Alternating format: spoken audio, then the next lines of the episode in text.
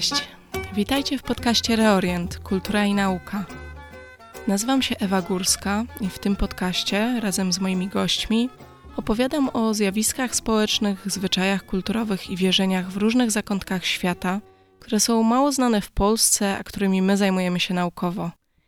Więcej informacji o nas i tematach tu poruszanych możecie znaleźć w opisie odcinka na Facebooku, Instagramie i stronie reorient.pl. Witajcie w odcinku pierwszym podcastu Reorient Kultura i Nauka poświęconemu aborcji w islamie. Szczerze mówiąc, miałam inny plan odcinków i inny temat gotowy na dzisiaj, ale ze względu na tak zwany wyrok na kobiety, czyli orzeczenie Trybunału Konstytucyjnego w Polsce w kwestii zaostrzenia prawa aborcyjnego, postanowiłam zmienić ten plan i zacząć od tematu aborcji w islamie. W tym odcinku opowiem Wam więc o części wniosków z moich badań dotyczących problemów bioetycznych w prawie muzułmańskim. Zacznę jednak od tego, że nie ma jednego prawa muzułmańskiego. W islamie są różne odłamy, z których największy to islam sunnicki, a w ramach odłamów są jeszcze różne szkoły prawne, które wykształciły się około X-XII wieku naszej ery. I tak na przykład w ramach islamu sunnickiego wyróżnia się cztery główne szkoły prawne – hanaficką, malikicką, szafiicką i hanbalicką. W szyizmie, drugim co do wielkości odłamie islamu, są dwie główne szkoły, dżafarycka i zajdycka, i istnieją jeszcze szkoły ibadycka i zahirycka. Każda z tych szkół wypracowała przez wieki trochę inne mechanizmy i reguły wnioskowania prawnego. Wydawano w ich ramach też inne fatły, czyli niewiążące opinie prawne, wydawane przez wykształconych w tym kierunku specjalistów od prawa muzułmańskiego. Takie opinie prawne w islamie mają wpływ na praktykę wiernych, odwołują się oni do tego, co zalecają im uczeni, i fatły mogą też, ale nie muszą, mieć wpływ na prawo państwowe. O tym, jakie są te opinie prawne wydawane przez uczonych, decyduje także to, jakie były historyczne uzgodnienia i interpretacje wydawane przez ich poprzedników, jaka jest lokalna kultura, poglądy społeczne czy wiedza naukowa w danym momencie. Fatły mogą więc być odwoływane, mogą być wydawane różne sprzeczne ze sobą opinie w tym samym czasie i poza tym konsensus może się zmieniać. W tym odcinku opowiem więc o tym, jakie są generalnie opinie w prawie muzułmańskim dotyczące aborcji w głównych szkołach prawnych, zwłaszcza sunnickich, i wspomnę też o kwestiach, wokół których nie ma zgody pomiędzy różnymi szkołami prawnymi i uczonymi, używając przykładów opinii przede wszystkim z Egiptu, Libanu i Palestyny, bo tymi państwami zajmowałam się w swoich badaniach. To znaczy, że w innych krajach i w innych miejscach świata opinie wydawane przez muzułmańskich uczonych mogą być trochę inne. Co ważne też, to jakie opinie prawne wydają muzułmańscy uczeni w danym kraju czy momencie, nie znaczy, że prawo państwowe w danym kraju jest takie samo jak te opinie. Zwłaszcza jeśli chodzi o aborcję, to historycznie na Bliskim Wschodzie była ona dużo surowiej traktowana w kodeksach karnych i ustawach państwowych niż w opiniach muzułmańskich, a to dlatego, że wiele z tych kodeksów zostało przekopiowanych z kodeksów europejskich, pochodzących jeszcze z początku XX wieku. O funkcjonujących przepisach państwowych wspomnę więcej na koniec, ale zacznijmy od początku i kwestii najważniejszej w islamie chwila, od której życie zarodka czy płodu traktowane jest jako święte i nienaruszalne, następuje według uczonych w pewien czas po zapłodnieniu, kiedy Bóg tchnie duszę w rozwijający się zarodek. Sama koncepcja uduchowienia jest wynikiem interpretacji wersetów koranicznych. Koran opisuje kolejne biologiczne etapy rozwoju w łonie matki, a także wspomina właśnie o momencie tchnięcia duszy w płód przez Boga. O tym, w którym dniu następuje uduchowienie według poszczególnych szkół prawnych, wspomnę później. Natomiast to, co ważne, to to, że właśnie moment uduchowienia uważany jest przez jurystów za przełomowy w egzystencji płodu. To właśnie wtedy rozpoczyna się w zasadzie pełnoprawne życie mm, i przed uduchowieniem zarodek nie ma pełni praw równych prawom osób narodzonych. Takie rozumienie statusu prawnego nienarodzonego dziecka przed uduchowieniem wynika z interpretacji hadisu, czyli e, przypowieści z życia proroka Mahometa, w którym Mahomet zasądził wypłacenie rekompensaty za zabicie ciężarnej kobiety, a obok kary finansowej za zabicie matki uwzględnił też dodatkową opłatę dla sprawcy za zabicie płodu. Ta kara wynosiła jedną dwudziestą kary głównej za zabicie matki. Dlatego właśnie na tej podstawie uznaje się, że według Mahometa wartość życia płodu przed momentem uduchowienia, to jest ważne, nie była równa wartości życia osoby narodzonej, czyli matki. Późniejszy moment uduchowienia nie oznacza, że zarodek nie jest chroniony przed tym momentem. Według wiodących opinii płód nabywa prawo do przynajmniej przetrwania od momentu zagnieżdżenia w macicy matki, także nie należy go narażać na jakiekolwiek niebezpieczeństwo, czy to obrażenia fizyczne, aborcje, zatrucie, np. narkotykami czy alkoholem. Natomiast zdolność prawną i przysługujące prawa generalnie dziecko zyskuje dopiero po narodzeniu. Nieco inaczej jest w szyizmie, gdzie przyjmuje się, że zarodek już od momentu zagnieżdżenia w macicy matki podlega ochronie prawnej, ale o tym może też wspomnę trochę więcej później. Kwestią bardziej sporną są prawa zarodka, płodu mm, czy dziecka nienarodzonego. Problem aborcji, czyli ijtihad, wciąż jest czynnikiem silnie polaryzującym jurystów muzułmańskich i pociąga za sobą mm, to, że istnieje dość dużo różnych opinii prawnych na ten temat. Ogólnie terminacja ciąży w islamie mm, uważana jest za czyn zakazany, zwłaszcza jeśli nastąpi już uduchowienie płodu, a przynajmniej jest to czyn niezalecany. Tu zwłaszcza dotyczy to okresu przed uduchowieniem. Nie znaczy to jednak, że te zakazy czy ten brak zalecenia są bezwzględne. I tak jak wspomniałam, w doktrynach poszczególnych szkół oraz w opiniach prawnych różnych uczonych pojawia się wiele wyjątków od tego generalnego zakazu. Podejście do szczegółowych przypadków, w których według uczonych muzułmańskich aborcja może być jednak usprawiedliwiona, jest w islamie determinowane przez kilka czynników.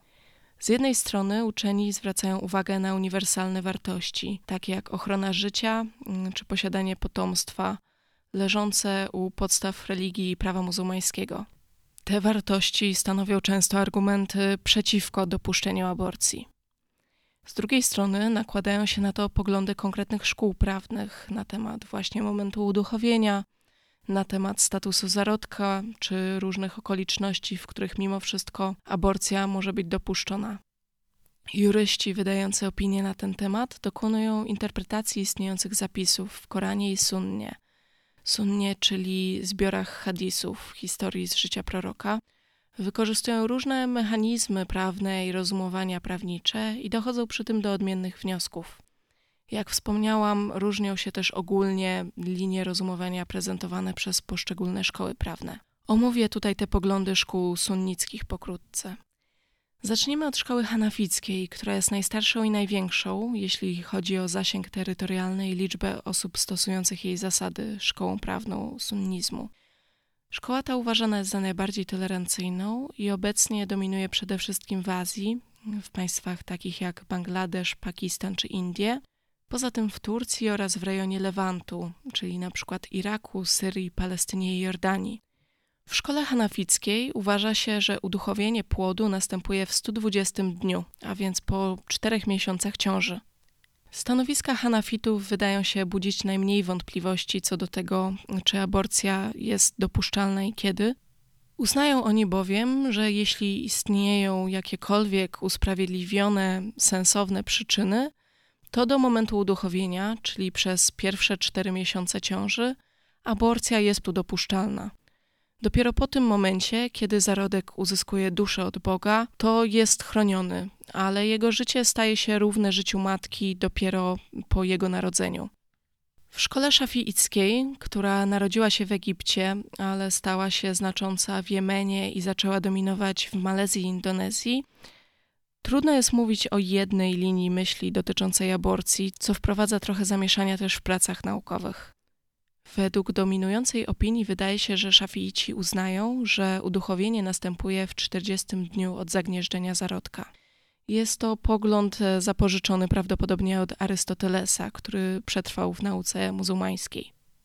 Z tego powodu e, wydaje się, że większość szafiitów dopuszcza aborcję właśnie do 40 dnia, ale zdarzają się też tacy, którzy uznają, że między 40 a 80 dniem nadal aborcja jest dopuszczalna, i inni, którzy podobnie do Hanafitów uważają, że nawet do 120 dnia aborcja, jeśli istnieją przyczyny, które to uzasadniają, jest możliwa. Ta różnorodność prawdopodobnie wynika z tego, że zdania szafiitów już historycznie były podzielone. Już w średniowieczu imam al-Ghazali, bardzo znany i uznawany za jednego z bardziej konserwatywnych szafiitów, uważał, że przerwanie ciąży zawsze jest zakazane, czyli jest haram, ale w zależności od momentu jej dokonania skala popełnianego grzechu jest różna. Według niego przerwanie ciąży do 40 dnia gestacji stanowiło czyn mniej poważny niż przerwanie jej między 40 a 80 dniem, a to z kolei było mniej poważne niż między 80 a 120 dniem ciąży. Sam al-Ghazali terminację po 120 dniu, czyli po czterech miesiącach, zrównywał z zabójstwem człowieka. W szkole malikickiej, która powstała w rejonie Hidżazu, czyli na Półwyspie Arabskim, ale szybko została przyjęta w Egipcie i rozpowszechniła się w Afryce Północnej, podejście do aborcji jest tradycyjnie raczej negatywne. Według niektórych uczonych w tej szkole prawnej aborcja jest zakazana w każdym stadium rozwoju ciąży. Natomiast niektórzy klasyczni myśliciele melikiccy dopuszczali przerwanie ciąży do 40 dnia, bo według tej szkoły właśnie wtedy następuje uduchowienie zarodka. Malikici zgadzają się jednak na jeden wyjątek od tej ogólnej zasady zakazu aborcji i jest to zagrożenie dla życia matki. Wtedy aborcja nawet według nich może być dokonana. Ostatnią z głównych i oficjalnie uznawanych szkół prawnych w sunnizmie jest szkoła hanbalicka. Ta szkoła obecnie zajmuje czołowe miejsce przede wszystkim w Arabii Saudyjskiej. Według klasycznej linii orzeczniczej tej szkoły aborcja była dopuszczalna do 40 dnia od zagnieżdżenia zarodka, bo właśnie wtedy uznawano, że następuje uduchowienie. Faktycznie też w Arabii Saudyjskiej, gdzie szkoła hanbalicka obecnie ma swoje centrum, do 1990 roku obowiązywała oficjalna fatwa dopuszczająca przerwanie ciąży tylko do 40 dnia. Natomiast po 1990 roku nastąpiła zmiana stanowiska Hanbalitów w tej kwestii. Odwołali się oni do rezolucji jednej z międzynarodowych rad zajmujących się naukami prawnymi w islamie i wydających dość wpływowe opinie na podstawie deliberacji prowadzonych przez uczonych muzułmańskich różnych szkół. I właśnie na podstawie jednej z takich rezolucji międzynarodowych również uczeni hanbalitcy w Arabii Saudyjskiej uznali, że hanaficka linia interpretacyjna może być bardziej słuszna i dopuścili aborcję, przynajmniej ze względu na poważne choroby płodu, i to nas tutaj powinno bardzo dzisiaj interesować, do 120 dnia trwania ciąży. Trochę inaczej jest w odłamie szyickim. Szyici uważają, że zarodek powinien być chroniony już od momentu zagnieżdżenia, a nie tylko po uduchowieniu. Według wielu odłamów szyickich i szkół prawnych aborcja jest y, ogólnie zakazana, natomiast znów nie jest to do końca takie proste, ponieważ zdarzają się i w szyizmie opinie prawne ajatollahów mówiące, że w konkretnych przypadkach y, jest ona możliwa. Ten zarysowany przeze mnie tutaj podział dotyczący poglądów szkół prawnych w islamie odzwierciedla to, co ja nazywam tradycyjnym duchem tych szkół prawnych w kwestii aborcji. Natomiast absolutnie nie są to poglądy całkowite, wyczerpujące i jednolite. I ta różnorodność i brak jednoznacznego konsensusu w islamie co do aborcji jest też dyskutowana już od wielu dziesięcioleci. Na przykład w czasie Międzynarodowej Konferencji Muzułmańskiej e, w roku 1971 w Maroku nastąpiły bardzo szerokie dyskusje i w jej trakcie wielu muzułmańskich uczonych wyrażało opinie, które były nie dość, że sprzeczne wobec siebie nawzajem, to także wobec linii interpretacyjnych dotyczących aborcji przyjętych w ich szkołach prawnych. Biorąc pod uwagę ten brak zgody co do jasnych warunków aborcji, przedstawię Wam tutaj trochę mm, i argumentów, które są przyjmowane w islamie i przeciwko i za przerywaniem ciąży, a potem trochę opinii prawnych z Egiptu, Palestyny i Libanu, takich opinii prawnych konkretnych i ze współczesnych nam czasów. Podstawowym argumentem w islamie przeciwko aborcji jest świętość życia ludzkiego i koraniczny zakaz zabijania ludzi. Według większości szkół prawnych przed uduchowieniem zarodek jest chroniony z tego względu, że ma potencjał stania się człowiekiem, dlatego przerwanie jego istnienia przed uduchowieniem oceniane jest negatywnie, ale nie jako zabójstwo pełnoprawnej osoby, tak jak już wspomniałam wcześniej. Bazując na tym argumencie świętości życia, mm, ogólnie uznaje się, że prawie wszyscy muzułmanie osiągnęli konsensus, że po uduchowieniu, no i tutaj musimy sobie wstawić, w którym dniu ma to uduchowienie występować, aborcja będzie zakazana, właśnie dlatego, że będzie stanowić już zabójstwo. Natomiast istnieje tutaj jeden wyjątek i to dość duży, ponieważ jest to wyjątek w szkole hanafickiej, a więc tej największej. W tej szkole przyjęto, że w tak zwanym sprawiedliwym celu, czyli przede wszystkim dla ratowania życia, a czasem i dla ratowania zdrowia matki, dopuszcza się aborcję w każdym momencie ciąży, do końca dziewiątego miesiąca. To podejście Hanafitów de facto wywodzi się z różnicy w określaniu statusu prawnego płodu, ponieważ akurat ta szkoła prawna uważa, że dziecko uzyskuje pełen status człowieka dopiero po żywym przyjściu na świat.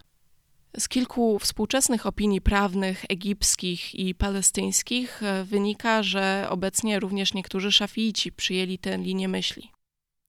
Drugim argumentem podnoszonym przeciwko mm, przerywaniu ciąży jest koraniczny zakaz zabijania dzieci ze względów ekonomicznych. W Koranie zawarte są dwa wersety zakazujące zabijania dzieci mm, ze względu na ubóstwo lub obawę przed popadnięciem w niedostatek. Według niektórych uczonych te słowa są interpretowane rozszerzająco przez analogię na przypadki aborcji. W opiniach prawnych pojawiają się więc odesłania do tych wersetów koranicznych i do hadisów potwierdzających powyższe treści. Istnieje też bardzo konkretny argument podnoszony przez przeciwników dopuszczenia aborcji ze względu na wykrycie wrodzonych chorób płodu. Niektórzy z takich uczonych podnoszą argument, że badania diagnostyczne nie pozwalają z całą pewnością określić stopnia choroby czy deformacji w ciąży. Nie ma więc według nich pewności, czy takie dziecko nie przeżyje po narodzeniu, albo czy no, nie zdarzy się jakiś cud i nie zostanie ono uzdrowione, albo nie pojawił się błąd w diagnostyce. Według tych uczonych wykrycie choroby płodu jest więc niewystarczającym powodem do przerwania ciąży. Taką argumentację przedstawiali na przykład e, szyicki ajatollah Makarim Shirazi czy Gad al-Haq, jeden z najważniejszych uczonych w Egipcie. Al-Haq w opinii zaznaczał, że na choroby, które uznajemy dziś za nieuleczalne, w przyszłości mogą się znaleźć leki, dlatego należy zachować ostrożność z przerywaniem ciąży z takich względów. Natomiast nawet on ostatecznie zgodził się na aborcję płodów poważnie zdeformowanych i ze stwierdzonymi poważnymi chorobami genetycznymi. Te trzy wspomniane przeze mnie argumenty, czyli świętość życia ludzkiego, zakaz zabijania dzieci ze względów ekonomicznych oraz brak pewności stopnia choroby płodu, podnoszone są przez uczonych muzułmańskich, jeśli wierni pytają ich o przerwanie ciąży w konkretnym przypadku, zwłaszcza wtedy, kiedy uczeni uważają, że akurat dana sytuacja nie uzasadnia przerwania ciąży. Natomiast najczęściej przywoływanym uzasadnieniem dla dopuszczenia aborcji przez jurystów w konkretnym wypadku, właśnie konkretnej kobiety czy pary, jest zasada wyższej konieczności. Jest ona stosowana wtedy, kiedy zagrożone jest życie matki, a czasem także, kiedy zagrożone jest jej zdrowie. Wspomniałam już o tym wcześniej, mówiąc o szkole hanafickiej. W innych szkołach prawnych to, czy zagrożenie dla życia i zdrowia matki jest e, ewentualnie uzasadnieniem dla przeprowadzenia legalnej z punktu widzenia prawa muzułmańskiego aborcji, jest dyskutowane, jeśli chodzi o okres po uduchowieniu, ponieważ przed uduchowieniem wszystkie te szkoły prawne raczej to usprawiedliwienie uznają. Ta zasada w opiniach wydawanych w odpowiedzi na indywidualne pytania wiernych jest stosowana raczej dość szeroko. Na przykład w Egipcie uczeni rozważali pytanie pochodzące od pary muzułmanów z Chin. Ta para w Chinach posiadała już jedno dziecko i bała się konsekwencji prawnych, wiedząc też, że zajście w tą ciążę może spowodować utratę pracy przez rodziców. Uczeni muzułmańscy z egipskiego Dar al-Ifta, odpowiadający na to pytanie, uznali, że taka sytuacja, a więc utrata pracy przez rodziców i inne konsekwencje prawne może stanowić sytuację wyższej konieczności i zgodnie z hanafickim rozumowaniem, zwłaszcza przed uduchowieniem, rodzice mogą dokonać aborcji. W opiniach prawnych argument z wyższej konieczności występuje często w połączeniu z tak zwaną koncepcją ochrony życia osób już żyjących. Według tej koncepcji, wypracowanej jeszcze w średniowieczu, życie matki, ale także starszego rodzeństwa, już narodzonego rodzeństwa płodu jest przedkładane wyżej w hierarchii niż życie nienarodzonego dziecka, zwłaszcza jeśli płód jeszcze nie został uduchowiony. W średniowieczu koncepcja ta była stosowana do uzasadniania aborcji, jeśli zajście w ciążę przez matkę groziło tym, że wyschnie jej mleko, a więc przestanie ona karmić swoje już posiadane młodsze dzieci, których życie nadal zależne było od e, tego mleka. Podobnie jeśli życie matki byłoby zagrożone, no to nie mogłaby ona wykarmić tych dzieci już żyjących, a także nie mogłaby zaopiekować się dzieckiem nienarodzonym, jeśli w ogóle donosiłaby tą ciążę, nie mogłaby też urodzić kolejnych dzieci. A więc z takiego bardzo racjonalnego i pragmatycznego punktu widzenia, to właśnie życie matki musiało być chronione jako pierwsze.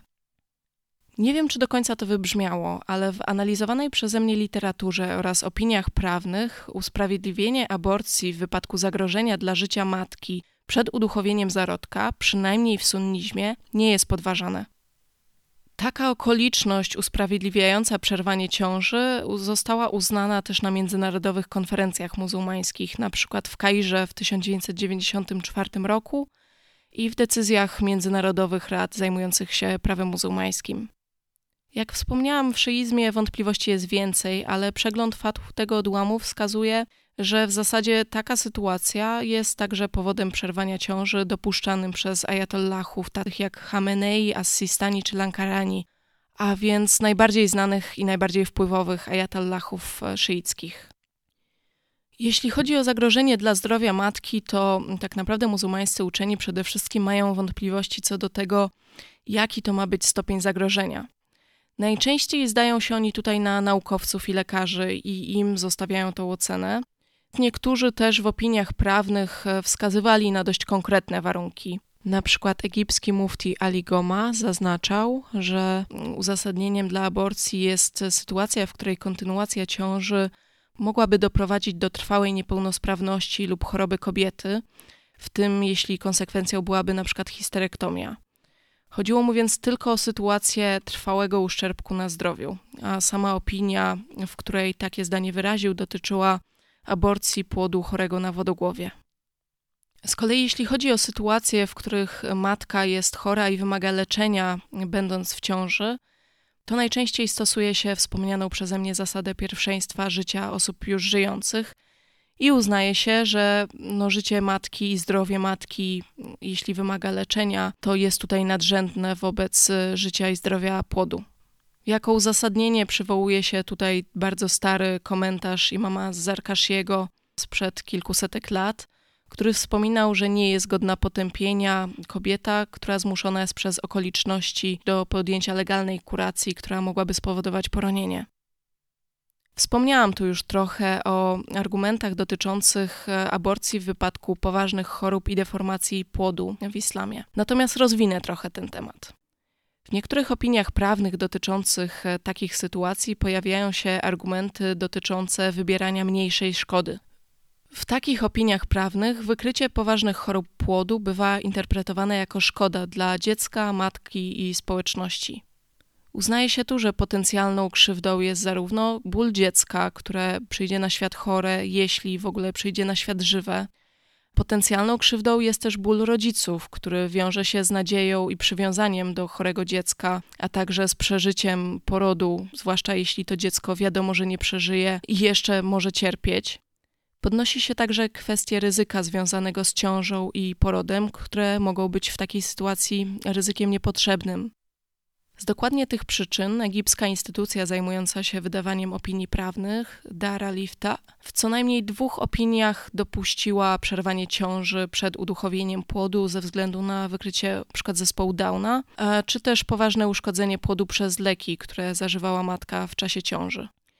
Według Egipcjan po uduchowieniu istnienie wrodzonych wad rozwojowych u płodu nie jest usprawiedliwieniem dla aborcji – a więc przerwanie ciąży ze względu na choroby i deformacje może być dopuszczone tylko do 120 dnia ciąży.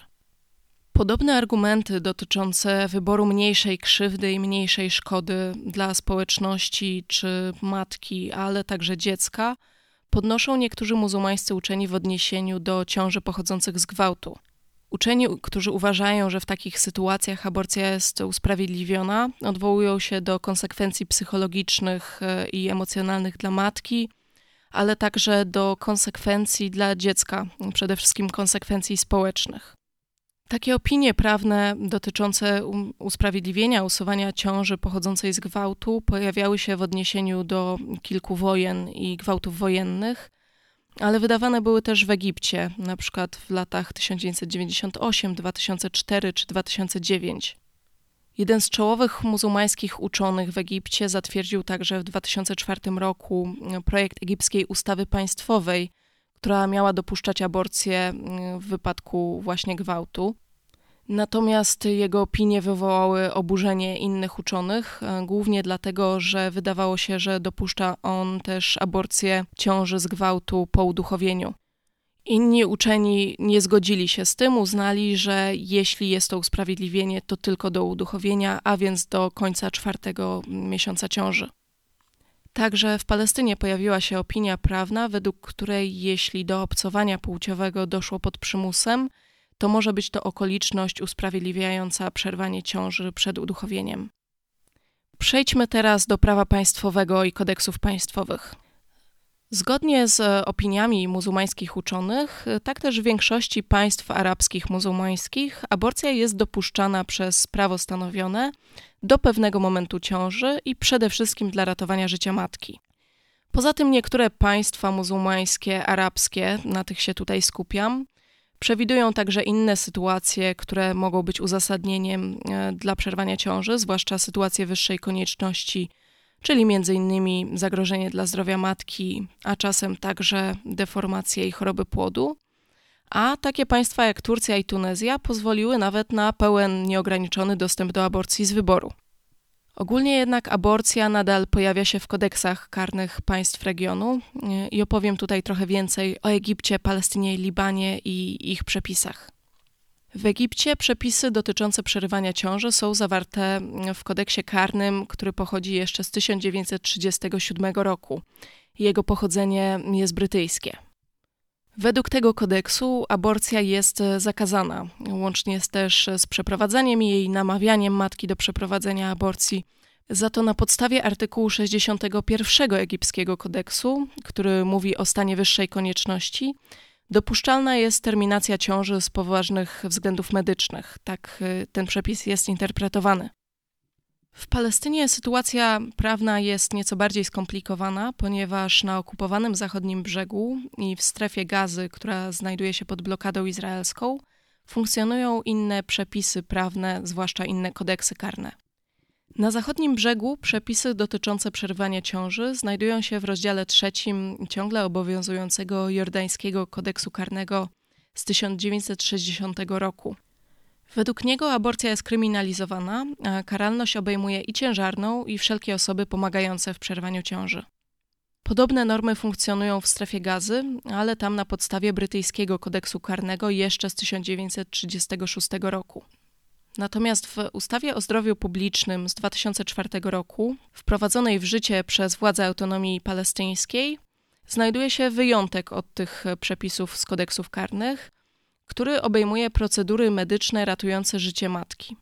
Uznaje się, że na podstawie tego artykułu może być przeprowadzona terminacja ciąży przez lekarzy, jeśli istnieje udokumentowana, uzasadniona medycznie sytuacja nagła.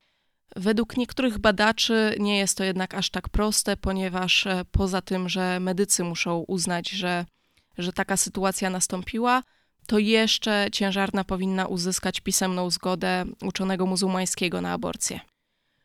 W Libanie aborcja również jest kryminalizowana na podstawie kodeksu karnego.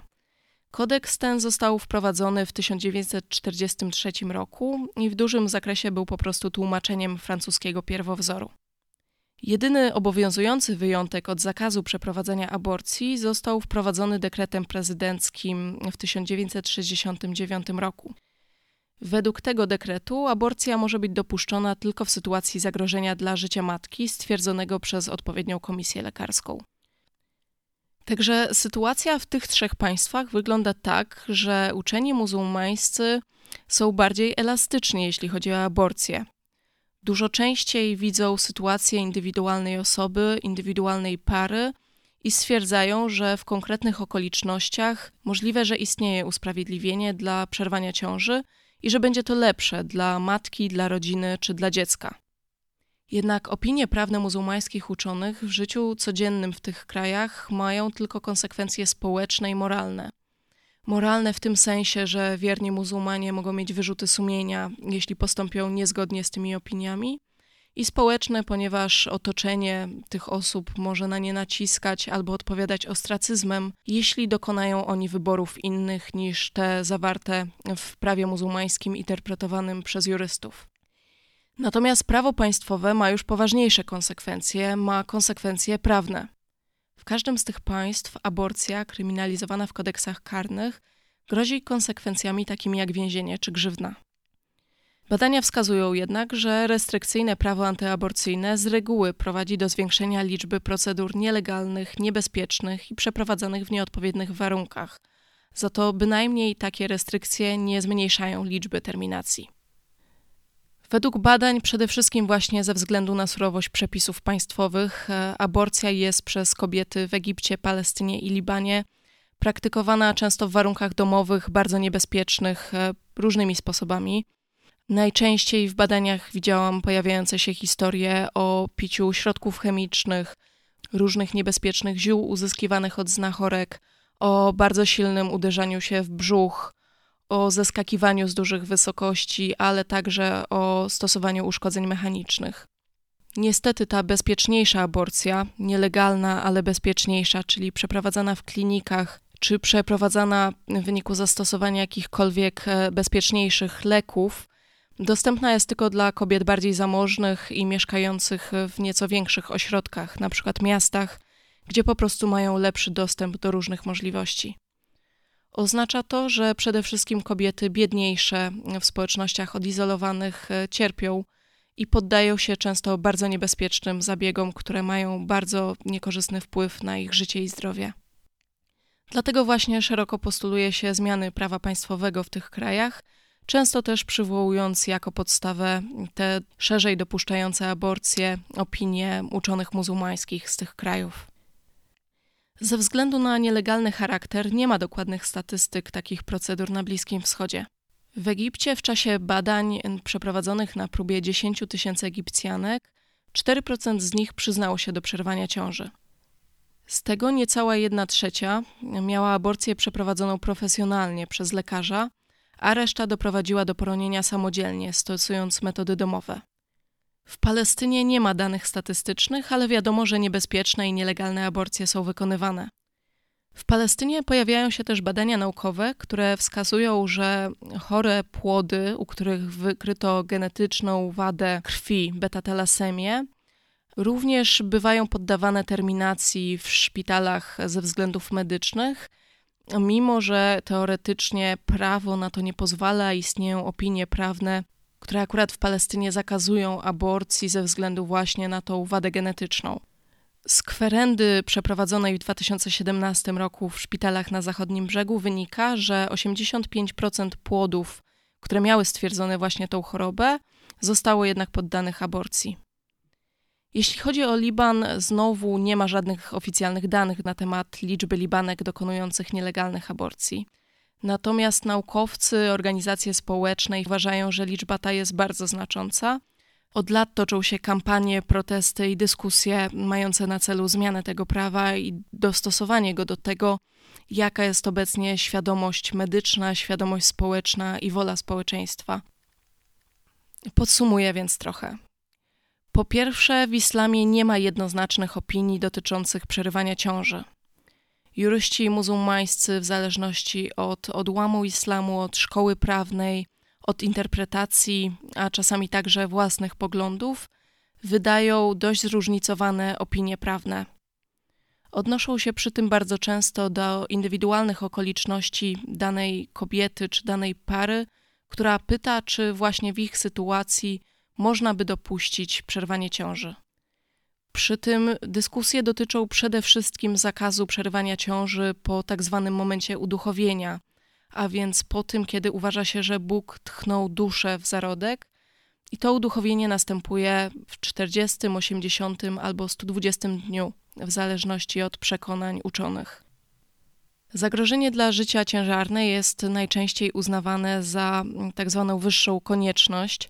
Mm, poza tym podnoszone są argumenty dotyczące ochrony życia osób już żyjących i do momentu uduchowienia uważana jest przez większość jurystów e, za, za uzasadnienie przerwania ciąży, a po uduchowieniu, według przede wszystkim hanafitów, e, do końca ciąży zagrożenie dla życia matki powinno stanowić podstawę przerwania ciąży. W prawie państwowym Egiptu, Palestyny i Libanu również jest to podstawa do przerwania ciąży. Zagrożenie dla zdrowia matki bywa uznawane za wyższą konieczność usprawiedliwiającą aborcję przynajmniej do momentu uduchowienia. Poważne choroby i deformacje płodu w islamie bywają różnie interpretowane różne jest podejście co do tego, jak należy określić stopień choroby czy deformacji, który uzasadniałby przerwanie ciąży, ale jednak uznaje się, przynajmniej w Egipcie i Palestynie, że stwierdzenie przez medyków e, takich poważnych wad powinno stanowić usprawiedliwienie mm, przerwania ciąży, przynajmniej do momentu uduchowienia, a więc w tych krajach do końca czwartego miesiąca ciąży. Dzięki za wysłuchanie tego odcinka. Mm, mam nadzieję, że wybaczycie mi mój głos. Jestem chora, jak dość duża część naszego społeczeństwa. E, I mam też nadzieję, że w tym dniu, kiedy ja to nagrywam, 23 października, przynajmniej część z Was śledzi to, co dzieje się po wczorajszym wyroku Trybunału Konstytucyjnego. Wydaje mi się, że w interesie nas wszystkich jest to, żebyśmy w tym momencie szczególnie zwracali uwagę na działania prawne podejmowane w naszym państwie i to, jak wpływają one na nasze życie. Trzymajcie się ciepło, walczcie dzielnie i słyszymy się za tydzień w odcinku, który prawdopodobnie znowu będzie dotyczył Bliskiego Wschodu. Do usłyszenia.